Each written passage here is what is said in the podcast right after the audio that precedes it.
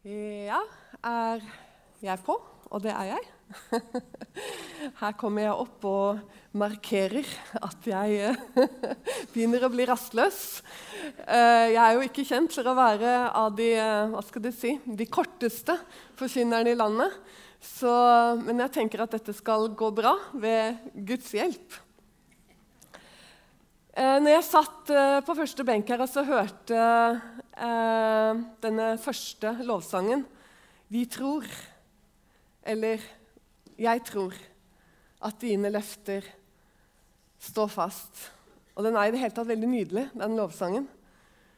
Men da ble det så levende for meg, eh, og det er kanskje bare én uke siden, så ser jeg ansiktet til eh, Oded, som vi var så heldige å sitte ved siden av på flyet fra Tel Aviv til Wien for en uke siden. Og han var en underlig person. Fordi nå er det ikke sånn veldig underlig å være kontaktsøkende. Det er egentlig veldig fint. Og det merket jeg med en gang. Eh, vi kom sammen der, vi tre. Eh, det var liksom Erlend og meg, og så sitter han ytterst. Og Jeg bare merket det med hele liksom, hans vesen at han er kontaktsøkende. Og så når maten kom, det er noe rart med det, når maten kommer på fly, så er det liksom litt sånn, da skjer det litt, og det er litt enklere å ta kontakt. Så jeg bare begynte å henvende meg direkte til han. Men det som var underlig, var at jeg så så mye i blikket hans. Og det var liksom så mye følelser i øynene hans. Og jeg klarte ikke helt å bestemme meg for hva var det jeg så. Eh, for jeg så flere ting. Jeg så både den nysgjerrigheten og interessen og undring liksom, Han lurte på oss. Men så så jeg sinne. Og, og, og, ja, og litt sånn sårethet og mange ting i blikket hans. Så jeg tenkte hvem er, det, hvem er den unge mannen? Og ettersom han pratet og sånn, så så skjønte jeg at han har vært i skarpe oppdrag. Han har vært i Gaza. Han har sikkert opplevd mange ting. Men når han spurte litt oss om eh, hvorfor vi var i Israel, og hva vi hadde gjort der, og han hørte at vi var eh, fra Den internasjonale kristne ambassade, så kjente egentlig ikke han til ambassaden. Og det gjør ofte eh, jøder i Israel, men han gjorde ikke det. Men når vi sa kristne, så bare så jeg liksom at det hugget til i blikket hans. Og så begynte han å, å bli liksom, litt sånn intens om eh, å snakke om Israel, og vi klarer oss selv. Og, og, vi bryr oss ingenting om hvordan dere i Europa er uh, mot oss. Og, og, IDF, vårt forsvar, det er sterkt. Dere behøver ikke å bekymre dere. Uh, det er ingenting å bekymre seg over. Og han var veldig intens. liksom. Så jeg tenkte, hva er dette her? Og så fortsetter vi å prate, og så skjønner jeg at han hadde, familien hans hadde en stor forretning i, eh, i, sentrum av Jerusalem. Og så sier han det er ikke så veldig lenge siden at det kom kristne inn i butikken min. 'Å ja, ja, så hyggelig', sa jeg. Uh, ja, uh, De hadde bare med seg et Nytestamente. Og så gikk de fram til meg og så sa de, 'du burde lese denne'. Og jeg sa nei, jeg vil ikke lese den. Og da ble de kjempesinte. sånn. Og da begynte de å, å si det at uh, 'du som er jøde' og dere og ditt folk som har stått dette ord imot, og stått Nytestamentet og budskapet fra Jesus imot i alle disse år. Og jeg liksom bare Hvem var disse? Liksom. ja, Det underlige var at de var tyske. sånn. Og det er ikke de første tyske jødene som kommer inn i butikken vår og snakker på denne måten. Og alle sammen sier han de har vært i Palestina. Og han var veldig sånn, og han var så såret og han var så sint. Og, og, Han trodde at vi var av samme sorten, at vi liksom var like før vi skulle stikke et Nytestamentet i hendene på han og si at, uh, skjønner du? Så han bare satt liksom og helgarderte seg. Men så fikk jeg en liten stund alene med, alene, alene med han, fordi Erlend gikk på do. Det var ikke det at han gikk, liksom, men det var noe med at han kanskje slappet litt mer av når han var alene med meg, som bare var kvinne. liksom. Og så, så, fortalte han at jeg underviste. Og så sa jeg det sånn at jeg underviste i Det gamle testamentet liksom for å roe han litt ned. Og det er jo ingen løgn. Uh, 'Å', sier han. da ble han interessert. Og så begynte vi å snakke, og så var det sikkert lang kø så det for Erlend som skulle på toalettet. Så jeg fikk utrolig god tid med han der jeg satt. Og begynte å snakke om det profetiske ord.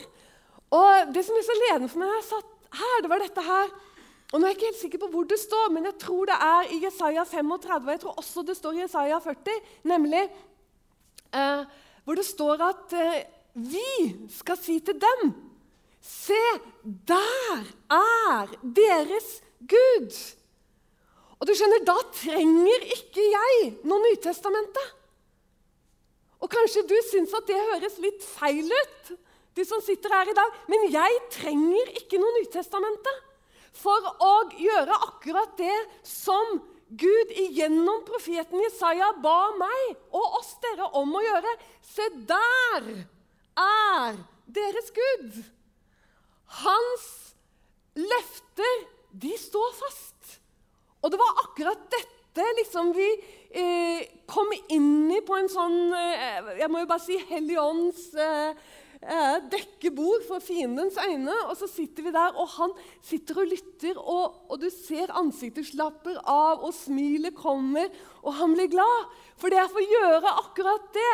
Jeg får nemlig peke i hans egen bibel. Ikke liksom først og fremst se Jesus her og sånn og sånn, men bare minne han om deres egen Gud. Se, der er han! Se hva han gjør! Se hvor trofast han er! Se hvor nøyaktig han er! Se hvor pålitelig han er! Og du bare så han bare mer og mer hvordan gleden kom til han. Og jeg bare takker Gud! For det er dette dere vi er kalt til å gjøre. At vi skulle kunne gjøre som Paulus. Selvfølgelig ikke kanskje akkurat som Paulus, men noe av prinsippet i det Paulus gjorde, som ikke hadde noen andre skrifter enn det vi kaller Gamle testamentet. Og hva er det han gjør? Jo, han overbeviste at Jesus var Messias. Og han trengte verken Matteusevangeliet, Johannesevangeliet Han trengte ikke første eller andre Peters brev eller Paulus brev. Han beviste at Jesus var Messias ut ifra Skriften, ut ifra Det gamle testamentet. Og heller ikke jeg trenger Det nye testamentet sånn sett til å snakke med jøder. Jeg bruker den skriften de har. Og Det er også derfor Paulus sa dette med at dekket som er over dem, sier han inntil i dag, skriver han på sin tid. Når de leser Moses, når de leser i eh, Toraen, så er det et dekke over dem. Men de trenger altså et dekke for å ikke se Jesus når de leser sine egne skrifter. Altså, Gud trengte å rett og slett komme med et slør eller et dekke og legge over hodet på dem. For så levende til stede er han igjennom hver eneste bok i Bibelen at Gud måtte gjemme han for dem. Han måtte gi dem et dekke. Det er ganske utrolig, men det er ikke så utrolig. For når jeg leser, og jo mer jeg leser, så ser jeg Jesus overalt. Og jeg skjønner hvorfor profeten Daniel har forsvunnet ut av synagogelesningene. Og hvorfor profeten Daniel såkalt sies å ikke være helt korser fordi, han, fordi den er skrevet på arameisk. Jeg skjønner det. Fordi at eh, i profeten Daniel eh, så trer vår frelser han trer så tydelig fram. For Daniel så han jo til og med. Og han kaller han en menneskesønn, og han beskriver han. For ikke snakke om Jesaja 53, som også har forsvunnet ut av synagogelesningene. Og så kan vi, vi kan velge kanskje å si uff a det er grusomt, og tenk på disse jødene og hvordan de liksom bare hele veien. Men da må du lese Romerne 11, altså. For det er noen hemmeligheter her om at Gud skal ha inn en fylde av folkeslagene. Og hvem vet når den fylden som Gud vil ha inn, når den er på en måte full? Eh, og da skal han ta seg av sitt eget folk igjen. Eh, nå skal jeg ikke tale mye om det, men jeg hadde bare lyst til å ta dette som en innledning, og da skjønner dere hvor lang tid jeg faktisk har tenkt å ta her. jeg blir nervøs, jeg blir stresset eh, når jeg får dårlig tid, og det har jeg nå, så nå må dere bare henge på i svingene her. Vi går til Lukas evangelium, og jeg har bare lyst til å begynne i det første kapittelet. Og der står det eh, på denne måten Ettersom mange har tatt seg fore å sette opp en fortelling om de ting som er fullbyrdet iblant oss. Så de som først da var øyenvitner og ble ordets tjenere, hvordan de har overgitt det til oss. Men så har også jeg foresatt meg, etter at jeg nøye har gransket alt sammen fra først av, og nedskrive det i sammenheng for deg, gjeveste Theofilius, for at du kan lære å kjenne hvor pålitelig de lærdommer er som du er blitt opplært i.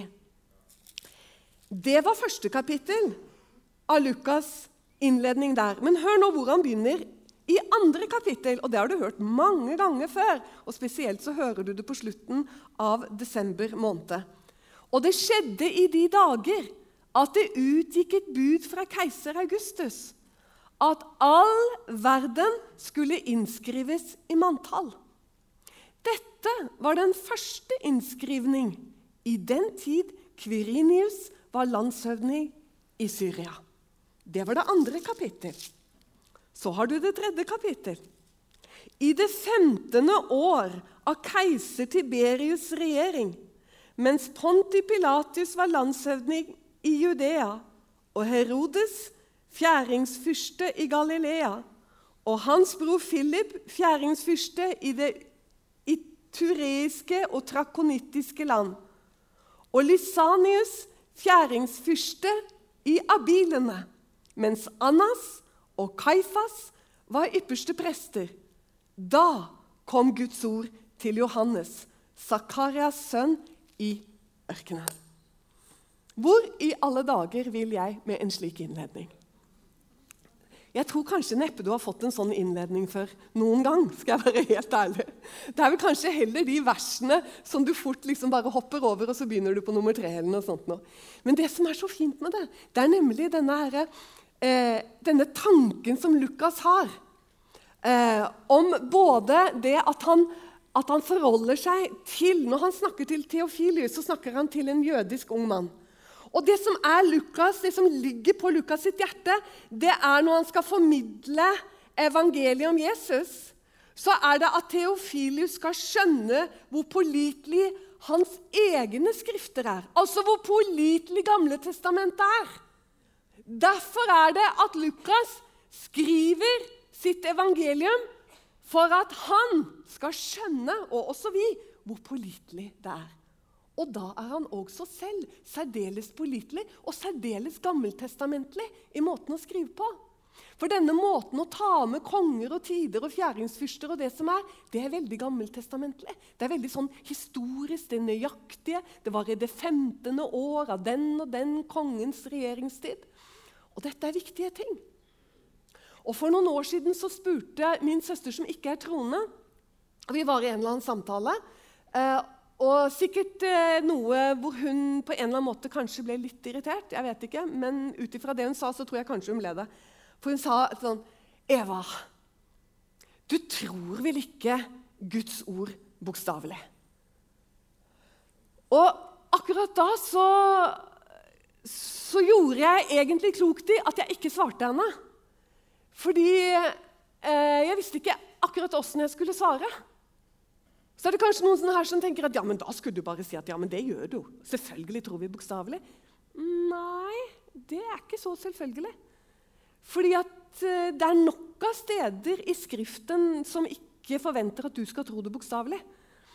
Uh, for bare ta ett eksempel som er kjent for oss, og som har vært framme allerede. Nå sitter du sikkert og tenker på mange selv, men la oss for eksempel av mange steder i Bibelen ta ett sted som ikke skal forstås bokstavelig.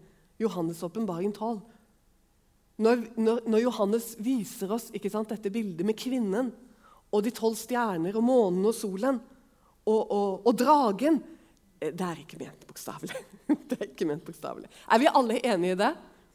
Er vi da alle enige at vi kan ikke, at vi kan ikke si at vi tror Skriften som sådan bokstavelig?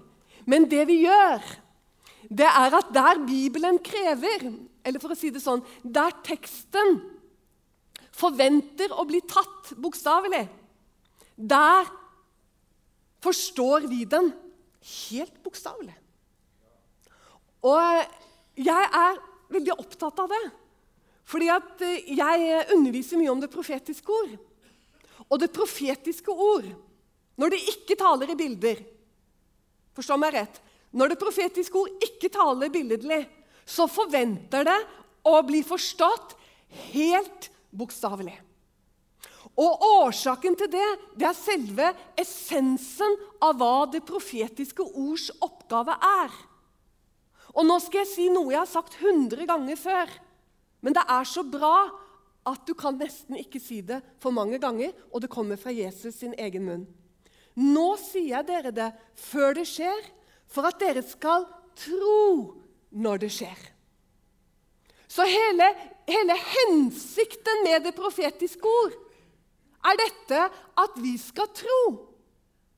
Og Noen steder så står det ikke bare at du skal tro.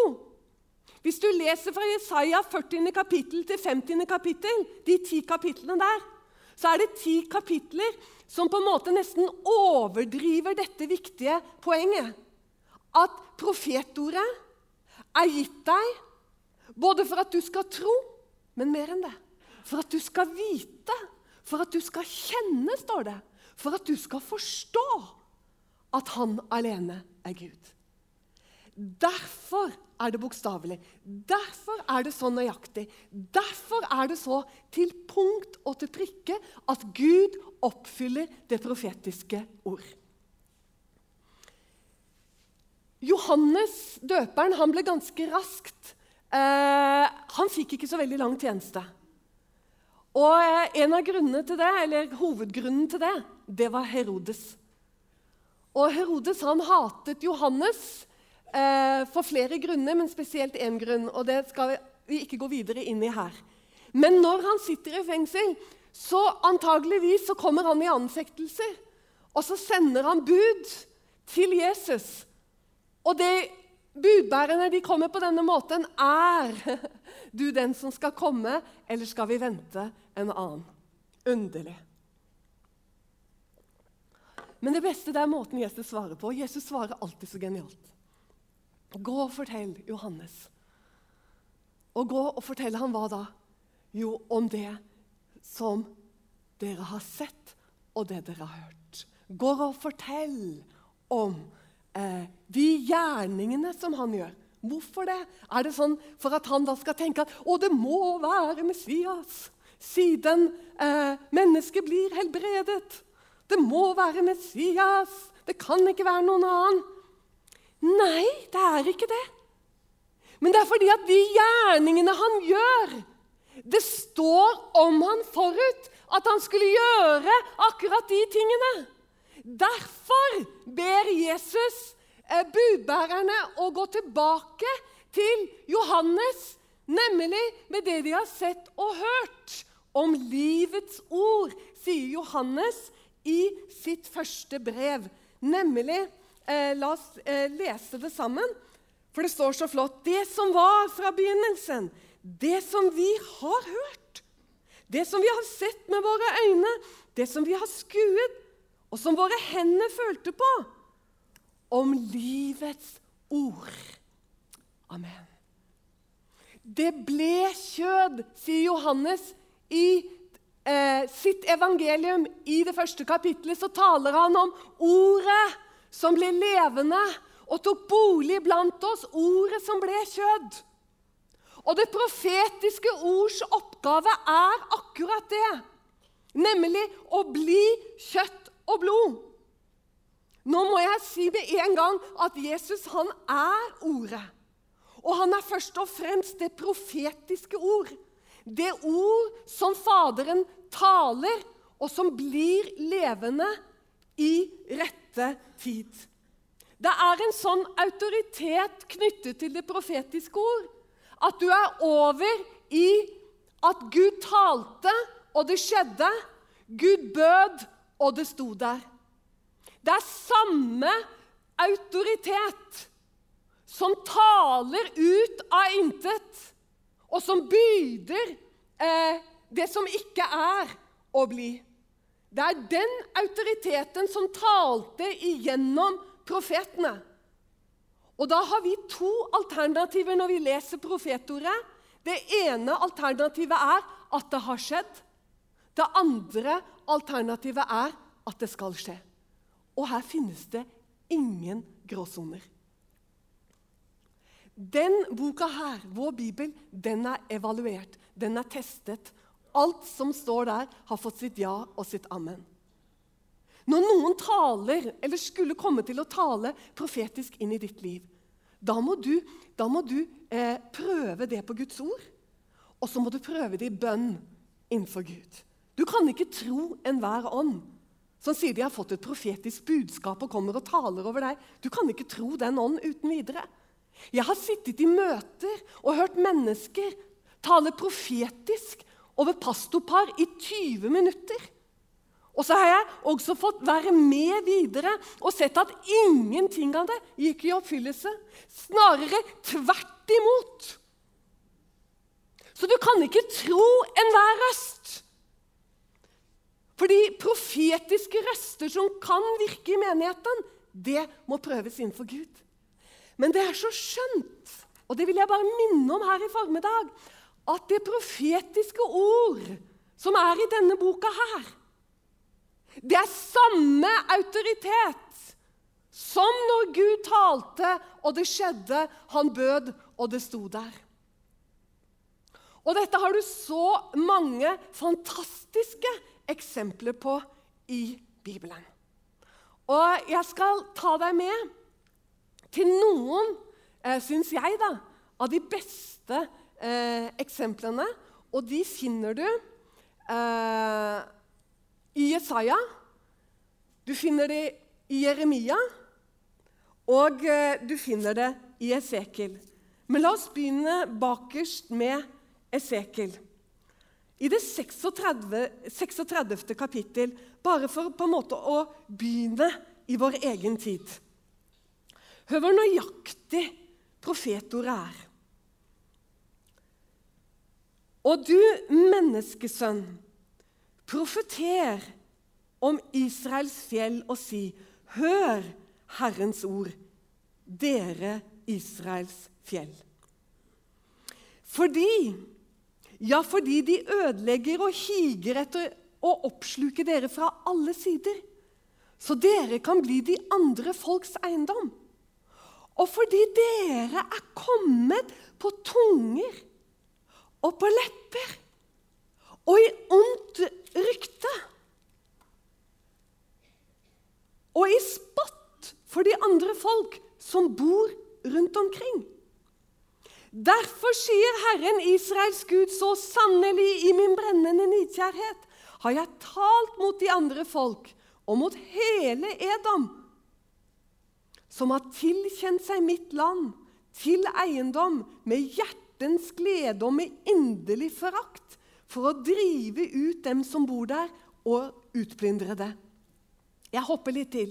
Fordi dere har båret folkenes hån. Sannelig, de folk som bor rundt omkring, de skal selv lide hån. For se, jeg kommer til dere, og jeg vil vende meg til dere. Og dere skal bli dyrket og tilsådd. Og jeg vil føre mange mennesker opp på dere, hele Israels hus. Og i byene skal det atter bo folk og ruinene skal bygges opp igjen. Og hør Og jeg vil ikke mere la deg høre folkenes hån. Og folkeslagenes spott skal du ikke mere bære. Og dine egne folk skal du ikke mere føre til fall, sier Herren, Israels Gud. Dette er den myndighet som det profetiske ord taler. Så sier Herren. Og du behøver ikke å tvile et øyeblikk på at så skal skje. Når det står i din bibel 'Jeg vil', da må du spisse ørene. For da kommer det profetiske ord. Det er de beste passasjene for meg når jeg leser i Bibelen. Det er når jeg kommer til disse 'jeg vil' eller 'jeg skal'. For da vet jeg at da har jeg med å gjøre det som er så bunnsolid. Det som enten har blitt kjøtt og blod, eller som skal bli kjøtt og blod. La oss ta, Dette lever vi midt oppi. Men la oss hoppe litt tilbake til deg som ennå ikke eh, har hørt meg eh, stoppe ved Jesaja, ved kroneksempelet, synes jeg, i Bibelen, i Jesaja 45. Og jeg leser. Så sier Herren til sin salvede, til Kyros, som jeg holder i hans høyre hånd, for å kaste hedningefolk ned for ham og løse beltet fra kongens lender, for å åpne dører for ham, og for at ingen porter skal holde stengt. Jeg vil gå fram foran deg, og bakker vil jeg jevne, dører av kobber vil jeg sprenge, bommer av jern vil jeg sønderhugge. Og jeg vil gi deg skatter som er skjult i mørket, rikdommer som er gjemt på lønnlige steder, så du kan vite Hør du? Så du kan vite at jeg er Herren, som kalte deg ved navn, Israels Gud. For Jakob, min tjener, og for Israel, min utvalgte skyld, kalte jeg deg ved navn. Ga jeg deg hedersnavn, enda du ikke kjente meg. Jeg er Herren, og det er ingen annen. Foruten meg er det ingen Gud. Jeg omgjorde deg enda du ikke kjente meg. Og hvorfor gjorde han dette, da? For at de både i øst og i vest, og det kunne stått i syd og i nord, skal vite at det er ingen foruten meg. Jeg er Herren, og det er ingen annen. Wow! Det er så bra! Og da spør jeg deg når levde kong Kyros? Når levde kong Kyros?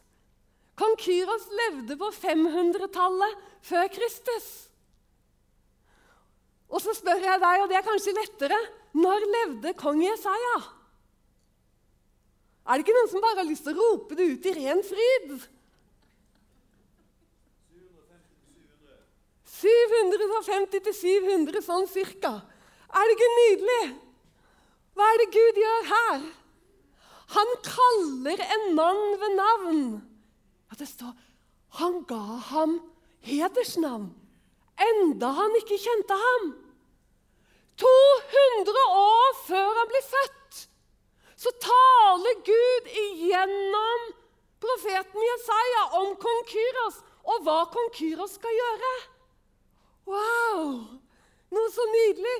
Ja, Men kong Kyros, er ikke han en sånn konge fra eventyrene, da? Han levde.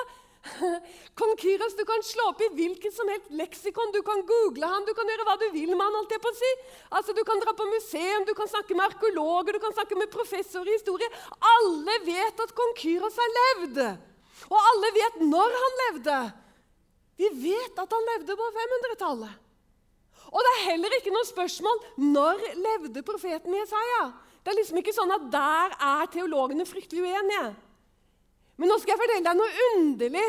At det, I 1879 så var det noen arkeologer som jobbet i de babylonske ruiner. Og etter at de hadde holdt på der en stund, øh, og de var sponset fra England, disse arkeologene, så drar de ut av leiren. Wow!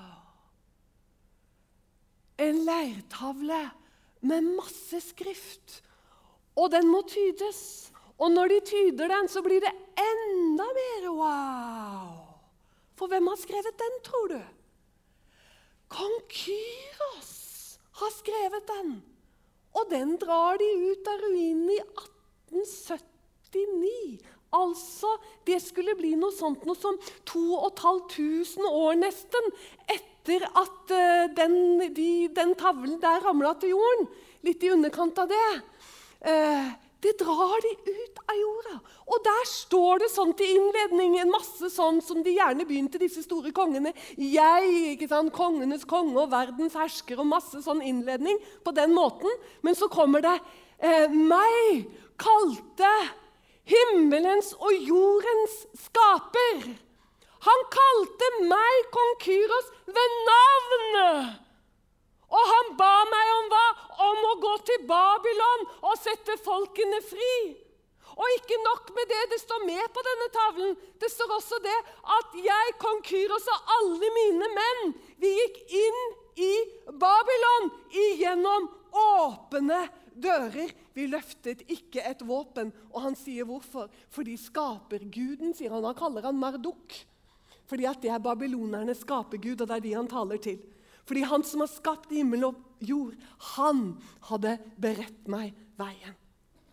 Om ikke du hopper på stolen din nå, så vet jeg ikke når du skal gjøre det. Men nå skal jeg si deg hva disse underlige teologene For du skjønner, det finnes noen teologer ja, Jeg vet ikke helt hvorfor de studerer teologi, det er det første spørsmålet, men det er jo deres sak og ikke min sak å finne ut av. Men det underlige er altså at de klarer å gjøre noe som er sånt et Hva er det det heter, disse sprangene man kan ta? Det er sånne her spesielle sprang. Hæ? Ja, kvantesprang! Dette er det største av de største, men det ender i elendighet. Fordi at Det nyttet ikke å diskutere når Jesaja levde. altså Istedenfor å juble, så hadde de fått et problem. Eh, denne leirtavlen hadde gjort at det hele hadde blitt veldig tydelig for dem. for de hadde kanskje aldri lagt merke til det helt før. Og så plutselig skjønner de ja, men hjelpes. Ja, men hjelpes! I Jesaja 45 så, så nevner Jesaja kong Kyros med navn. Det, ja, Men det går jo ikke, det, for han levde jo 200 år før Kyros levde, så det går jo ikke.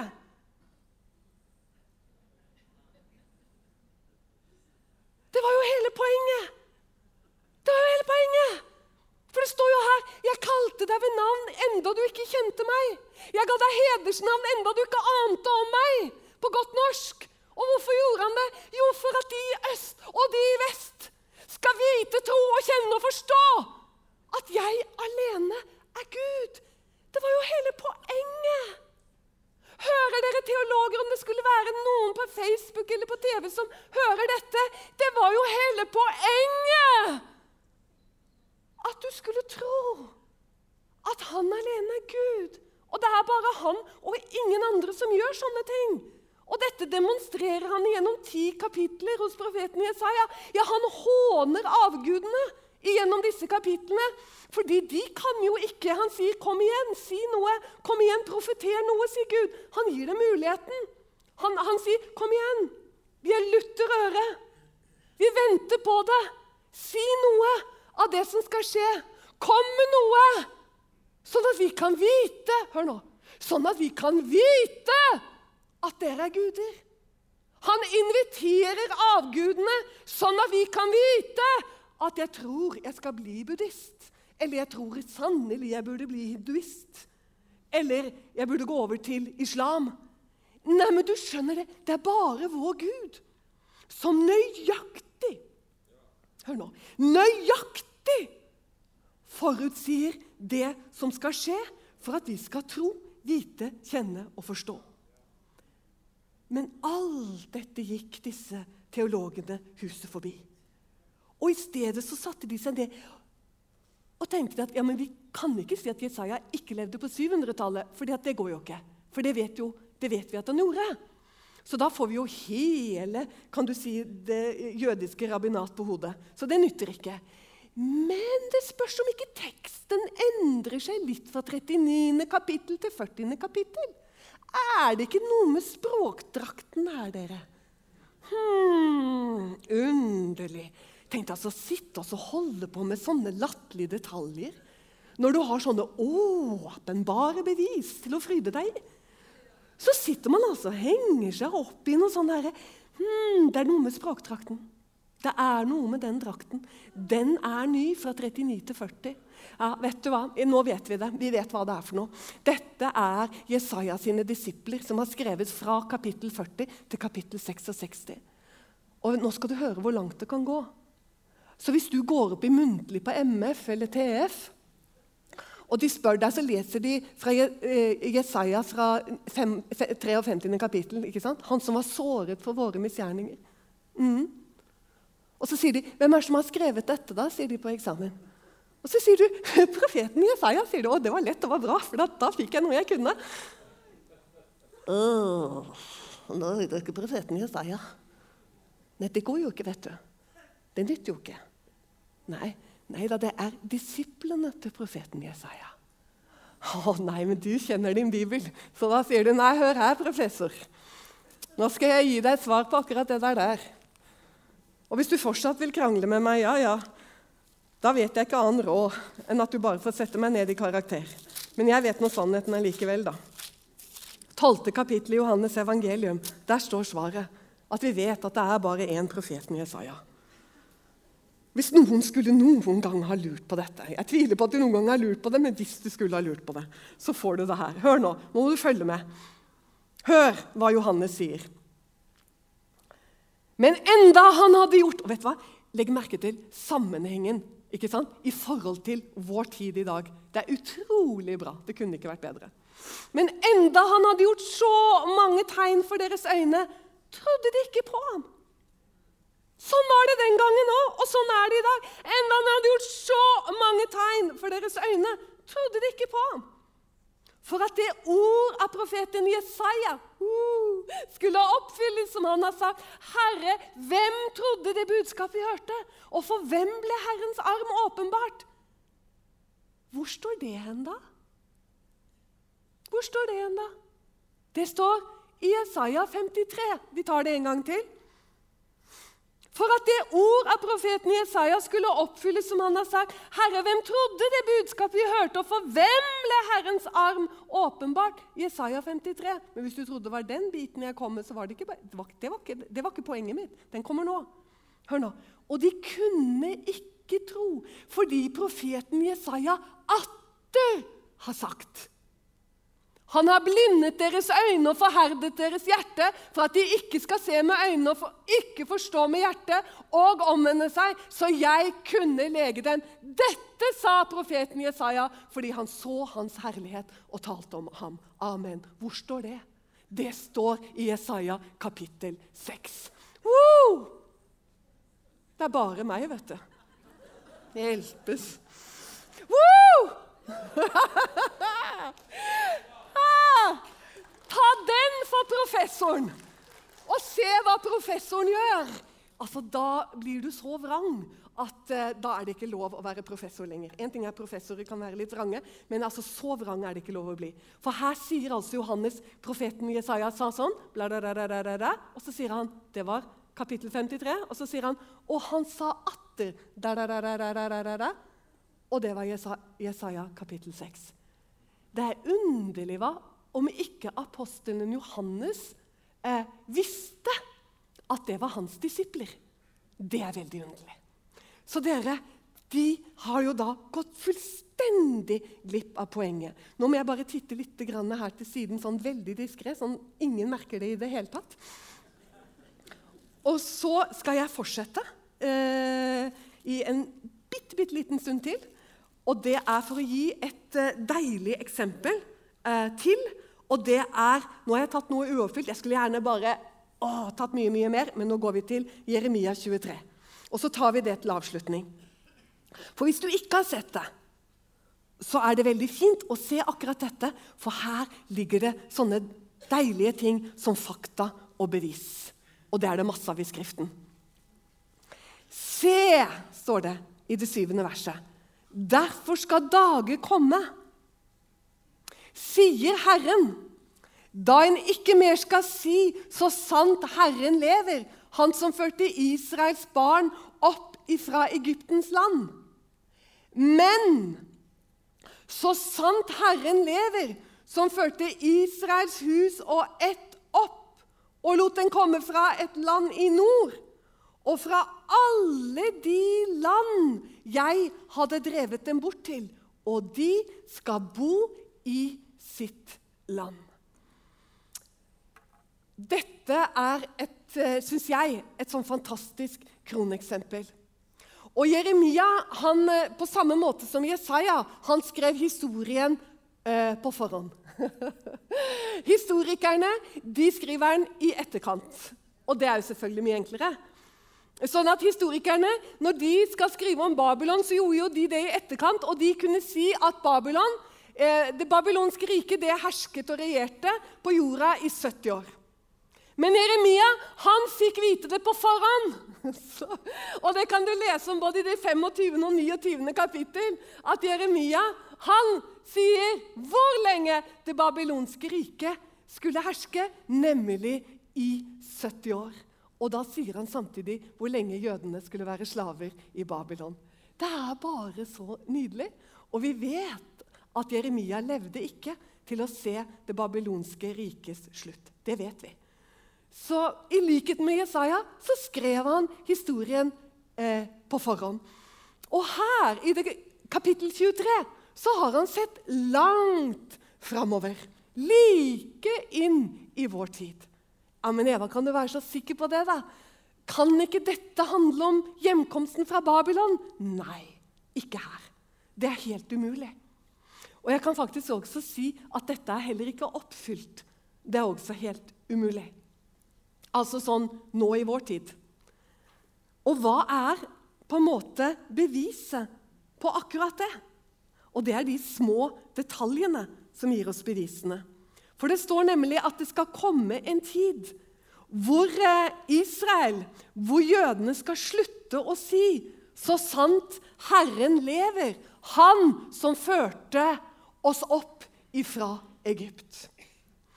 Og like til denne dag så sier jødene ved sine høytider, ved sine fester Ja, de mest nidkjære av dem liker også å minne om det hver eneste sabbat. Så sant Herren lever, Han som førte oss ut av Egypt. Det er liksom den største frelsesgjerningen som jødefolket har. Nemlig hvor Gud gjorde og oppfylte det han hadde sagt til Abraham flere århundrer tidligere at han skulle gjøre. Og når de hadde sluttet å tro det, og når de ikke orket mer, og når alt var som mørkest, så oppfylte han det profetiske ordet han hadde sagt til Abraham, nøyaktig slik som det var skrevet ned og gitt over til fedrene. Men hør her. Her kommer det altså at det skal komme en tid, sier Jeremia, hvor de kommer til å slutte å si 'Så sant Herren lever, Han som førte oss opp av Egypt'. I stedet så kommer bekjennelsen til å endre seg. Oi Da må det skje et eksodus som er større enn Egypt. Det må komme noe som er større enn Egypt, og det har ennå ikke kommet. Det var noen ivrige predikanter på 90-tallet som siterte Jeremia 23. Og så sa de nå går det i oppfyllelse når alle disse hundretusener av jøder kom ned fra Russland. Og jeg, jeg skjønner begeistringen, men det ble ikke oppfylt. For da hadde jødenes bekjennelse endret seg fra å ha fokus på Egypt til å ha fokus på Han som lot vårt folk komme ned fra et land i nord og fra alle folkene som han hadde spredd oss til. Altså, De kommer til å glemme Egypt, og så kommer det en ny bekjennelse. Hva i alle dager skulle overgå Egypt, dere? Russland har ikke greid å overgå Egypt. Latin-Amerika og de fleste som er ute derfra, har ikke klart å overgå det. Frankrike kommer ikke til å greie å overgå det. Men sammen er de med å oppfylle denne profetien fra alle landene. Men det kommer en utgang fra nord som vi bare har sett én million av. Men det skal komme mange, mange millioner til. Og hvor er det? USA. Og det fantastiske med tanke på Bibelens nøyaktighet, et land i nord, det er at vi behøver ikke å slippe Russland. For du skjønner, de fem millionene i overkant av fem millionene som fortsatt er i USA, eller som er i USA, for å si det sånn, de er alle sammen etterkommere, så å si over 90% av dem, etterkommere av de to millioner jødene som rømte mellom 1880 og 1920 ut av Russland eh, pga. ekstrem forfølgelse. Hører du? Mellom 1880 og 1920 så flykter det to millioner jøder ut av Russland. 90% av de reiser til USA. De er i dag eh, blitt til eh, fem millioner jøder. Og de har bare dratt innom USA, skjønner du? og bare multiplisert seg. Noe så veldig. Sånn at de, deres oppgave det er nemlig å overgå eh, Egypt. Så den utgangen som kommer fra USA Jeg bare håper at jeg får være med. om jeg er eh, ovenover der, eller om jeg har kommet ned, eller om jeg bare er her. Jeg, jeg, jeg vet ikke. Jeg bare Å, Gud, jeg gleder meg. Jeg gleder meg noe så veldig. Woo! Sånn at eh, dere Om jeg fortalte eventyret her, så er det jo ikke så spennende. Da skjønner jeg at det er ikke noe vits i å hoppe på stolen heller. Men saken er jo at det er jo jeg som er mest normal her. Som liksom er full av bevegelse. Ja, amen! Fordi at så, Jeg har en litt merkelig kropp, men jeg er jo født i Bergen. ikke sant? Og det er sånn at når jeg blir glad, så skjer det noe med kroppen min. Jeg vet ikke åssen du har det. Det er så vanskelig å stå sånn og snakke om disse tingene.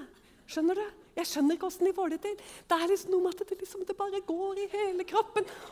Og nå ser jeg at Finn Jarle han har reist seg, og det betyr noe. For det der, der vet jeg. At når, når, noen reiser seg sånn, så betyr det Og nå kommer han nå! nå er jeg skikkelig ille ute her. Så dere Å, Gud er god. Er det ikke bare så spennende? Gud er god. Å, all ære til Herren. Vi priser deg, og vi takker deg. Jeg vil bare si til slutt les, studer, ransak Kos deg med Skriftene. Prioriter. Slå av Facebooken. Dere hørte, dere hørte i går. ikke sant? Og her er jeg. Og det beste var når Malcolm sa Og her er jeg igjen! Legg vekk det tullskapen der sånn. Gå inn i dette her. Begynn å lese i Skriftene. Og kos deg. Gud velsigne dere alle sammen. Uh, og dere ser ikke mer meg på dette stevnet, var det ikke det Finjalen sa? Gud er god. Amen.